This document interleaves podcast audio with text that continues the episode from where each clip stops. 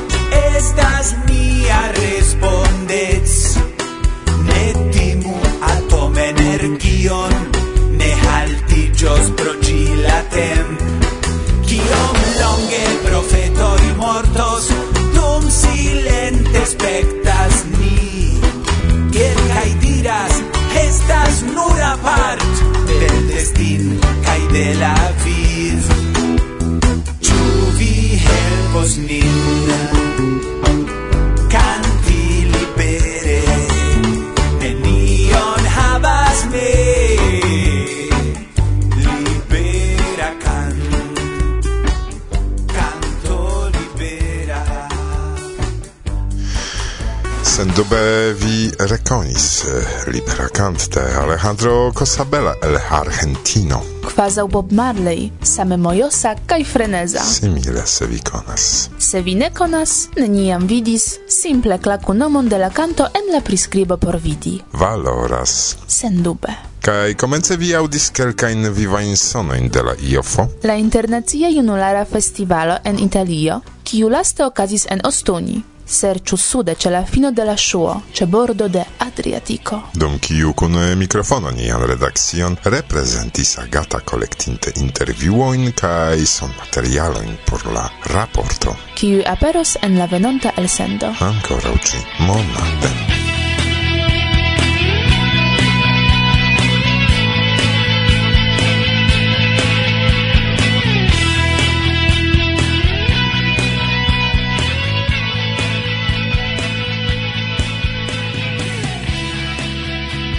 Saluton do en la naŭdeka programo de Varsovia Vento.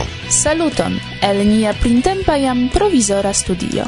En kiu hodiaŭ por gvidi la elsenton eh, mi, Irek. Kaj mi, Martusia. Salutojn eh, finfine post eta malfruiĝo. Jes, sed ne eblis labori pri la programo dum la esperantista Edzicfesto kaj renkontiĝo de la Pola Esperanto Junularo, kiu okazis la sinsekvan semajnfinon iu pli des pli ambaŭ eventojn ni partoprenis. Ĝuste. Do eble ne nur por vi, karaj aŭskultantoj, sed ankaŭ por la infanoj, nepoj, kiuj post jaroj aŭskultos tiun eh, programon publike ni anoncu, che la nuna prezidanto de Teo, kaj exa volontulino de tiu ci junulara organizo, Łukasz kaj Natalia, jam ne plu nur geamikoj. Ne plu, karaj ne plu. Sincera in bondeziro in do al vi, Łukasz, kaj Natalia, sulla vojo de via nova kuna vivo. Kiu estus sen problema, glata, kaj plena de cora suno kaj felicio. Kaj ciam kon Varsovia. Bla, bla, bla.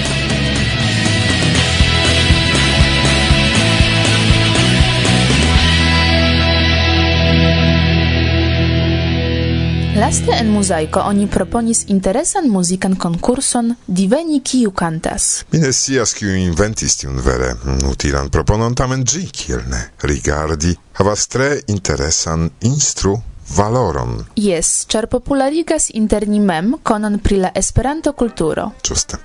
Sekvu doni la konkursojn de muzaiko ne nur por amuziĝi, sed ankaŭ por ion eksii. Kaj se vi malsatas je enigmoj, kiu kantas? Aŭskultu. Mi sidis kun mia virino en la parko de nia parlamento. Ni rigardis per la parlamenta noi pasis nin. Grupe. La dextruloi uzis, la dextran ranton de la vojeto, mia virino ditis, donu al mi plie, da malforta blanca vino, mi donis il vive ambau ni malmulte trinketis, poste mi fortumis. Nun mi desiras manipuli vin, si consentis En la publica loco ni ne kompreneble estis tro curagiae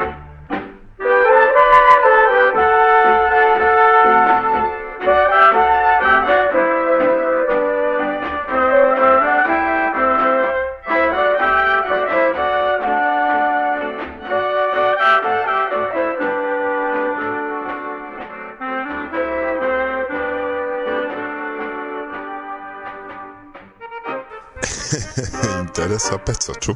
Yes, sendube vi ne scias kiu kantis. Por ekscii, klaku vorton enigmo en eh, priskribo. Tiam vi scios. Kaj eble estas iu inter la aŭskultantoj, kiu scias la historion pri tiu kanto. Kial tiel konata sialande artisto aldonis al la repertuaro pecon ankaŭ en la internacia lingvo. Tiel provokan cetere. Ĝuste sed ne forgesu ni pri la lasta enigmo. Yes. Unu auscultanto fakte divenis la sonon pri kiu demandis goŝka me me me. Necesas do premio al Ewald el Nederlando. Yes, Ewald, tuj post la programo mi kontaktiĝos kun vi. Nepre, kaj dankon pro via reago. Fakte estis plezuro rimarki, ke i aŭskultis la programon tiel atente. Do, antaŭ ol babili, invitu ni ĉiujn en la enhavon de la programo. Yes, nepre. Kio do en la hodiaŭa elsendo? Do interesaj mikrofonaj renkontiĝoj unu kun Guillaume, kiu rakontos pri evoluo de siaj muzikaj projektoj kaj dua kun ĵus reveninta el Brazilo Roman Dobrzyński, kun kiu mi parolas pri bona espero. Kaj pri la sonlibro, kiu tie estis registrita. Jes sonlibro, kiun kadre de Varsovia vento, chapitro post chapitro estonte, ni prezentos al vi. Krome, ni prezentos al vi la nunan eldonon de kontakto informon pri tre interesa blogo de Heidi Hus el Belgio, anoncon pri ker examenoi, kiu baldaŭ okazos en Varsovio, kaj duan parton de la kurso pri la pola lingvo. Bone ke vi diris pri, ne de. Ankaŭ mi tiel opinias. Kaj eh, nun, karaj, absoluta novaĵo. Se vi interesiĝas pri astronomio, vi ekscitiĝos. Kompreneble jes. Sendube. Supernova revenas. La cosma explodo. Ne nur la cosma. Absolute premiere, czy Varsovia vento. Recte el Brazilo. La postrompita temp. Lau supernova. supernova.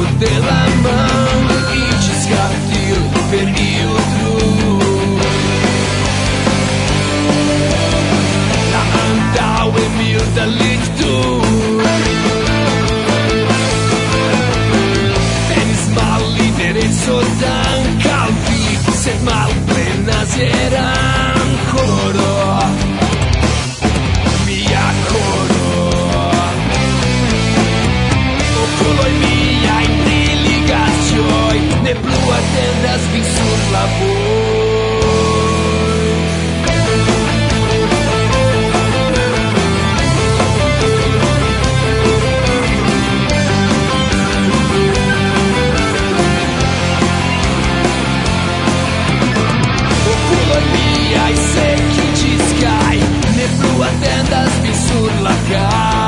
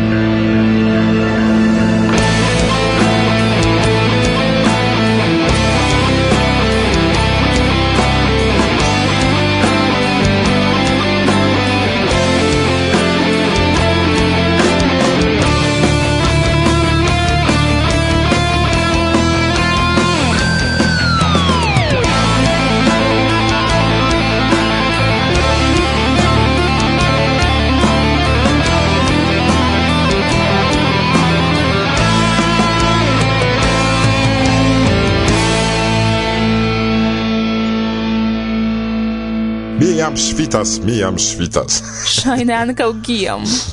Kaj la aŭskultantoj kiuj ŝatas tiun eh, ĉi specon de muziko. Klaku nomon de Supernova en la priskribo por ekscii pli multe da detaloj. Brava peco. Kaj nun eh, ni invitas vin aŭskulti la sekvajn eh, programerojn. Yes. Bonan do? Auscultadon. Bla. Bla. Bla. Bla. Carai infanoi, nun la racconto la vera avventuro della Pafri. Jesidante je dorso de elefanto. Tre agrable plena di trania esperanto. Jen la du un po' pli forta o l'armeo de tartaro. Platana giuns, serciado de la cristala vortaro. Fama vortaro, je trovigas perfectai horai rimoi De nove victimoi temas pri novai rebai crimo Ci pretas vi por iri a novai horizontoi Che nun trapassi merindai verdai montoi Etai simio saltas de unu gis alia arbo. Pro serpantoi, nimun foier prenis nian sabroin. Sed post tri monatoj da vojaĝo senhalte al aserto de la du sin rigardantaj he. Bedaŭrinde elefanto puŝas statuon de Grabovski.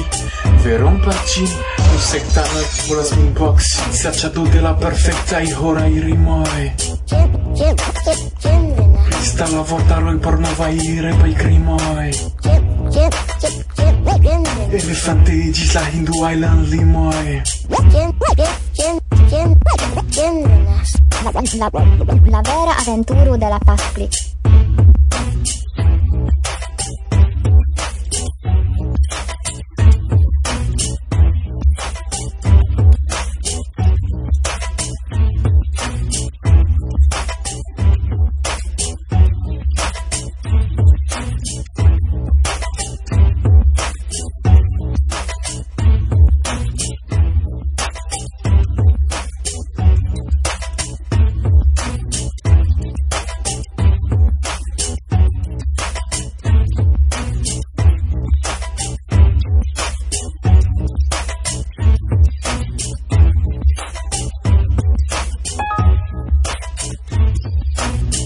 animo es de maquilita pesa. Mi, mi, mi,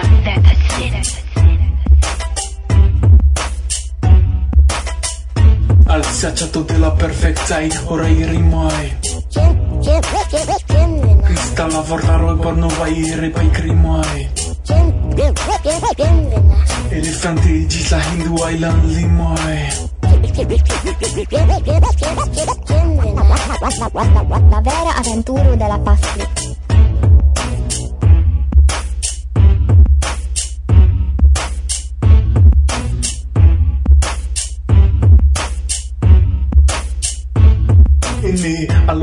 Pro belega knabin kiel feo Sed haga hari trompas nin per ŝia teo.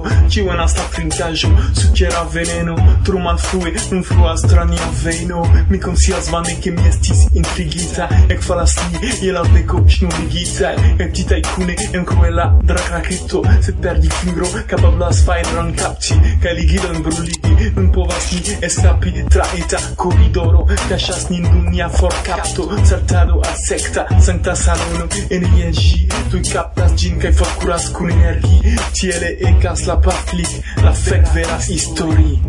Hipopa kompilo La fek vera histori. Volumo 1 Yes, yeah, yes, yeah.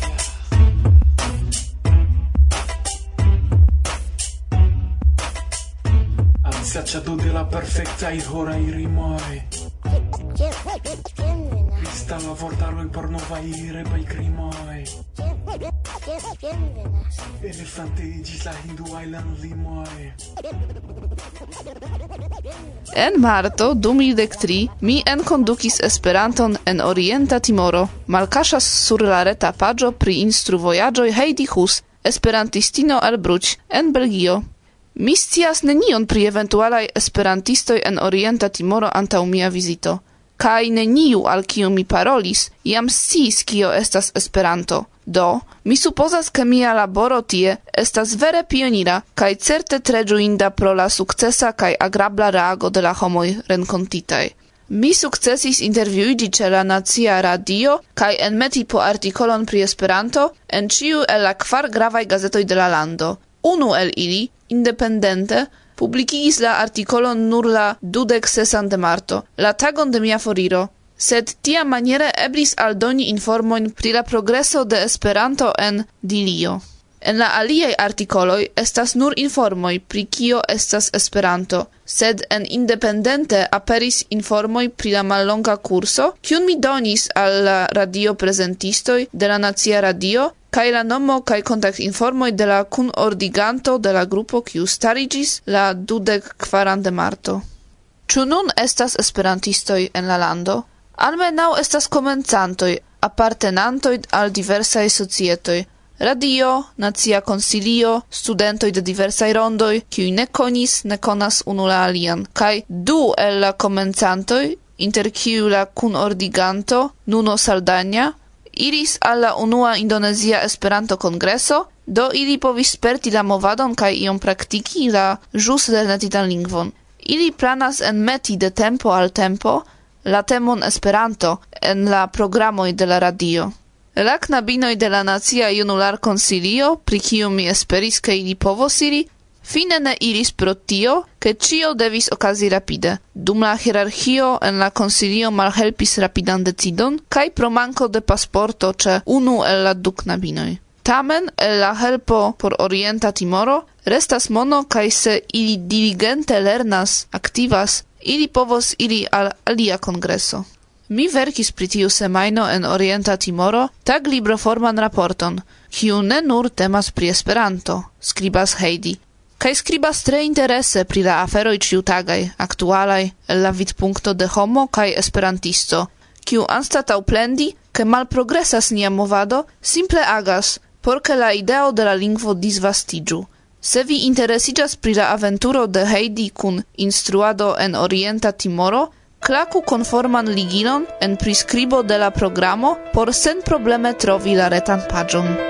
Ce fut l'après de la césure Où le temps n'a plus de mesure Où l'on se retrouve en exil Dans l'empire de l'inutile Ce fut l'après de la césure, mais plus une ombre n'en perdure. Oh, Mes yeux sont secs et je respire l'air doucereux de te maudire. Saluton, denove ni renkontiĝas post eh, certa tempo kaj denove mi havos plezuron eh, interparoli kun vi pri via muziko. Saluton, Jerek. Do antaŭ ni Guillaume Armide, se vi ne rekonas la voĉon ankoraŭ, eh, kaj laste se mi bone memoras ni parolis pri via mm, projekto, kiu mm, koncernis novan kododiskon. Do, ĉu vi deziras rakonti kiel finiĝis tiu revo pri la projekto, ĉu estis dume klopodoj, problemoj, kai fin fine racconto pri la resulto. Yes, estas tre interesse reveni unu jaron poste. Eh, uh, yes, mi memoras che mi parolis pri tio pasintiare, do estas kvazaŭ unu jara aventuro kiu ne tute finigis, sed finfine aperis ne codo, sed blogo, en kiu eblas ausculti kai elshuti libere kai senpage nun dek kvin uh, eh, muzikojn, sed baldaŭ venos eh, uh, dek sesa.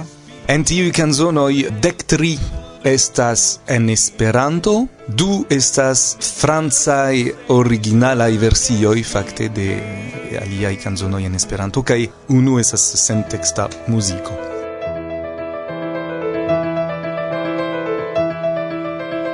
Kiel planite mi faris projekton kiu titoliĝas Min produktas vi, mi plilongigas ĝin al mi provi, min produktas vi ebligis ke homoj donu monon por ke mi povu pagi studion son ingenieron por pasigi unu semainon en studio kun belega pianego per kiu mi povis registri ciuin, ciuin dexes musicoin. Ĉu fakte ĝi estis belega?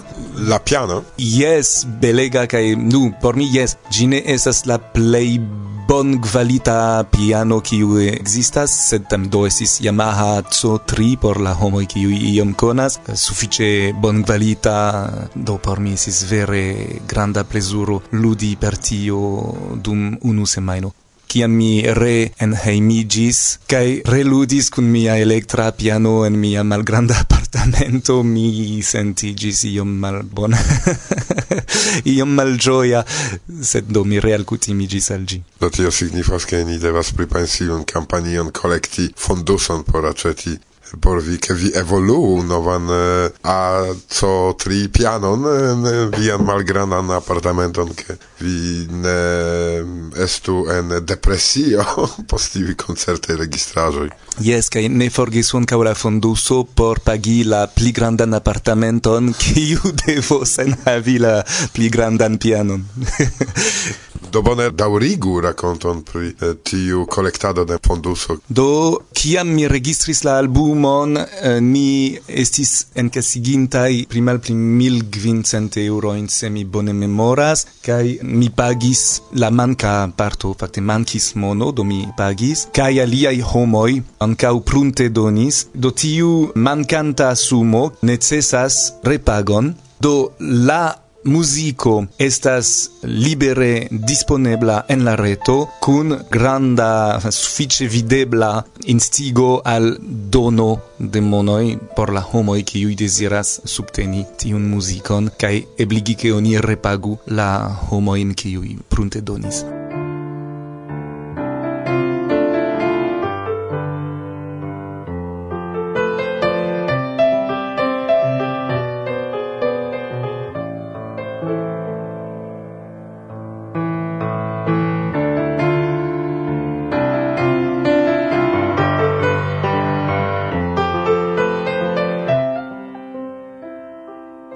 do fizike aperis au ne? Ne.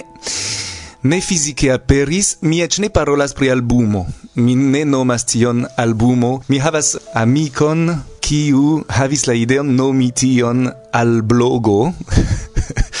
Char gi simple esas kolekto de musicoi disponeblai en blogo kai jen Gis nun ne aperis codo, se homoi desiras che aperu eblos tion fari, Fakte, en tiu projekto mi provi, ciam mi petas la opinion de homo, kion vi volas. Exemple, estis tre malfacila decido, kiun mi faris antaŭ publikigi la albumon. Do, eble vi scias ke kiam oni registras albumon estas tri etapoj. oni unue registras, poste mixas, kaj fine mastrigas. Kaj mi konfesas ke mi ne faris tiun lastan etapon, kiu supposeble pli bonigas la kvaliton de la sono, certe, fakte, mi, mi agnoskas ke estas tiel.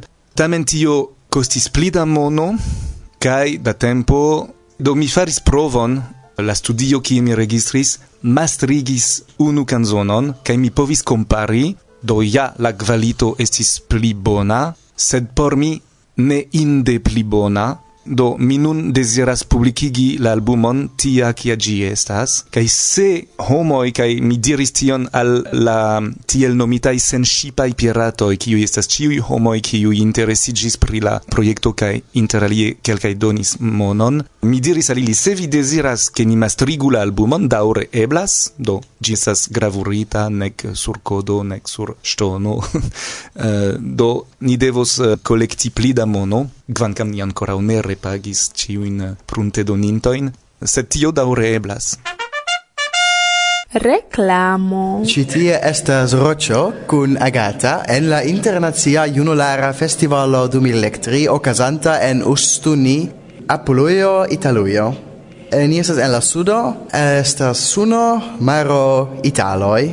Ca ni estas bedaure jam en la lasta nokto de la festivalo. Sed felice lasta nocto signifas che nun estis la internazia vespero, cae ni havis multain bonain presentagioin de esperantistoi el la tuta Europo, cae facte ec unu brasilan contribuon.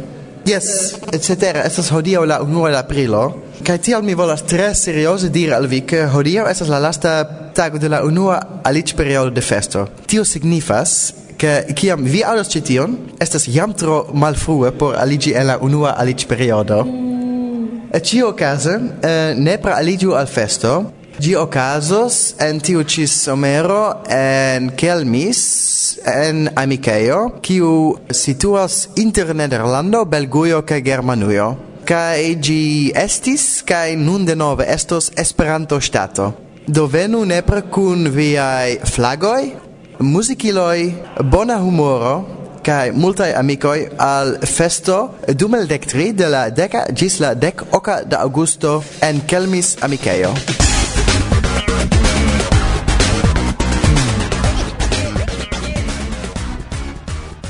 Varsovia vento, bla bla bla.